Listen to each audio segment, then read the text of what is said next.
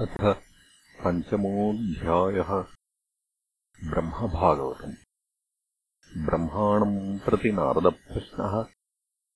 ब्रह्मोक्तिः। तत्त्वानामुत्पत्तिः ब्रह्माण्डनिर्माणवर्णनम् च। नारद उवाच। देवदेव नमस्तेऽस्तु भूतभावनपूर्वज तद्विजानीहि यज्ञानमात्मतत्त्वनिदर्शनम् यद्रूपम् यदधिष्ठानम् यतः सृष्टमिदम् प्रभो यत्संस्थम् यत्परम् यच्च तत्तत्त्वम् वद तत्त्वतः। सर्वम् ह्येतद्भवान् वेद भूतभव्यभवत्प्रभुः करामलकवद्विश्वम् विज्ञानावसितम् तव। यद्विज्ञानो यदाधारो यत् परस्त्वम् यदात्मकः। एकः सृजसि भूतानि भूतैरेव आत्ममायया। आत्मन् भावयसे तानि न पराभावयन् स्वयम् आत्मशक्तिमोस्तभ्य ऊन्ननाभिरिवाक्लमः नाहम् वेदपरम् ह्यस्मिन्नापरम् न समम् विभो नामरूपगुणैर्भाव्यम् सदसत्किञ्चिदन्यतः। स भवानतिरद्घोरम् यत्तपः सुसमाहितः तेन खेदयितेन त्वम् पराशङ्काम् प्रयच्छसि। एतन्मे पृच्छतः सर्वम् सर्वज्ञसकलेश्वर। विजानीहि यथैवेदमहम् बुद्ध्येऽनुशासितः ब्रह्मोवाच। सम्यक्कारुणिकस्येदम् वत्सते विचिकित्सितम्। यदहम् चोदितः सौम्य भगवद्वीर्यदर्शने। नानृतम् तव तच्चापि यथा माम् प्रब्रवीषि भोः। अविज्ञायपरम् मत्त एतावत्त्वम् यतो हि मे। येन स्वरोचिषा विश्वम् रोचितम् रोचयाम्यहम्। यथा कोऽग्निर्यथा सोमो यथर्क्षग्रहतारकाः तस्मै नमो भगवते वासुदेवाय धीमहि। यन्मायया दुर्जयया माम् ब्रुवन्ति जगद्गुरुम्। विलज्जमानया यस्य स्थातुमिच्छापथे मुया विमोहिता विकथन्ते ममाहमिति दुर्धियः द्रव्यम् कर्म च कालश्च स्वभावो जीव एव च। वासुदेवात्परो ब्रह्मन् न चान्योऽर्थोऽस्ति तत्त्वतः। नारायणपरा वेद देवानारायणाङ्गजाः। नारायणपरा लोका नारायणपरामखाः नारायणपरो योगो नारायणपरम् तपः नारायणपरम् ज्ञानम् नारायणपरा गतिः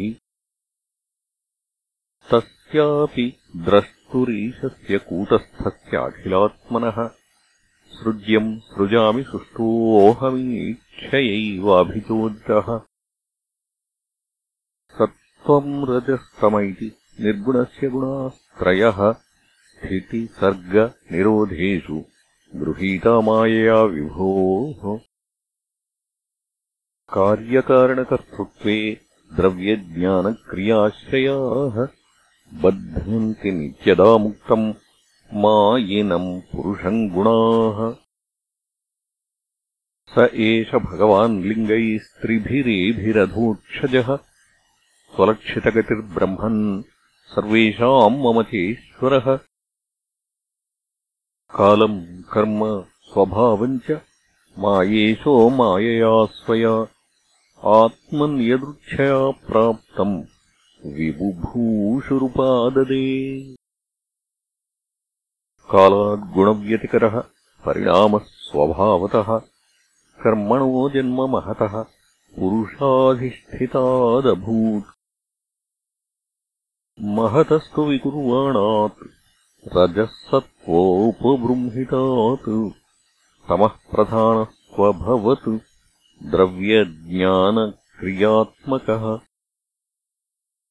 सोऽहङ्कार इति प्रोक्तो विकुर्वन् समभूत्त्रिधा वैकारिकस्तैजसश्च तामसश्चेति यद्भिदा। द्रव्यशक्तिः क्रियाशक्तिः ज्ञानशक्तिरिति प्रभो तामसादपि भूतादेः विकुर्वणादभून्नभः तस्य मात्रागुणशब्दो लिङ्गम् यद्द्रष्टृदृश्ययोः नभसोऽथविकुर्वाणादभूत् स्पर्शगुणोऽनिलः परान्वयाच्छब्दवांश्च प्राण ओजःसहोबलम् वायोरपि विकुर्वाणात् कालकर्मस्वभावतः उदपद्यत तेजो वै रूपवत् स्पर्शशब्दवत् तेजसस्तु विकुर्वाणादासीदम्भोरसात्मकम् रूपवत् स्पर्शवच्चाम्भो घोषवच्च परान्वयात् विशेषस्तु विकुर्वाणादम्भसो गन्धवानभूत् परान्वयात् रसस्पर्शशब्दरूपगुणान्वितः वैकारिकान्मनो जज्ञे देववैकारिका दश दिग्वातार्कप्रचेतोऽश्विवह्नेन्द्रोपेन्द्रमित्रकाः तैजसात्तु विकुर्वाणादिन्द्रियाणि दशा भवन्। ज्ञानशक्तिः क्रियाशक्तिः बुद्धिः प्राणश्च तैजसौ। श्रोत्रम् त्वक् घ्राणदृग्जिह्वा वाग्दोर्मेढ्राङ्घ्रिपायवः। यदैते सङ्गताभावा भूतेन्द्रियमनोगुणाः यदायतननिर्माणे न शेकुर्ब्रह्मवित्तम। तदा संहत्य चान्योन्यम् भगवच्छक्तिचोदिताः।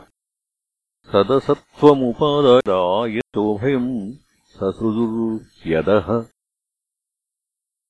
वर्षपूगसहस्रान्ते तदण्डमुदके शयम् कालकर्मस्वभावस्थो जीवो जीवमजीवयत्। स एव पुरुषस्तस्मादण्डम् निर्भिद्य निर्गतः। सहस्रोर्वङ्घ्रिबाह्वक्षः सहस्राननशीर्षवान्। यस्येहावयवैर्लोकान् कल्पयन्ति मनीषिणः कट्यादिभिरधः सप्त सप्तोर्ध्वम् जघनादिभिः। पुरुषस्य मुखम् ब्रह्म क्षत्रमेतस्य बाहवः ऊर्वोर्वैश्यो भगवतः पद्भ्याम् शूद्रोऽभ्यजायत। भूर्लोकः कल्पितः पद्भ्याम् भुवर्लोकोऽस्य नाभितः। हृदा स्वर्लोकौ रसा महर्लोको महात्मनः क्रीवायाम् जनलोकश्च तपोलोकः स्तनद्वयात् मूर्धभिः सत्यलोकस्तु ब्रह्मलोकः सनातनः। तत्कट्याम् चातलम् क्लुप्तमूरुभ्याम् वितलम् विभोः। जानुभ्याम् सुतलम् शुद्धम् जङ्घाभ्याम् तु तलातलम्। महातलम् तु गुल्फाभ्याम् प्रपदाभ्याम् रसातलम् पातालम् पादतलत इति लोकमयः पुमान्। भूर्लोकः कल्पितः पद्भ्याम् भुवर्लोकोऽस्य नाभितः स्वर्लोकः कल्पितो मूर्ध्ना इति वा लोककल्पना।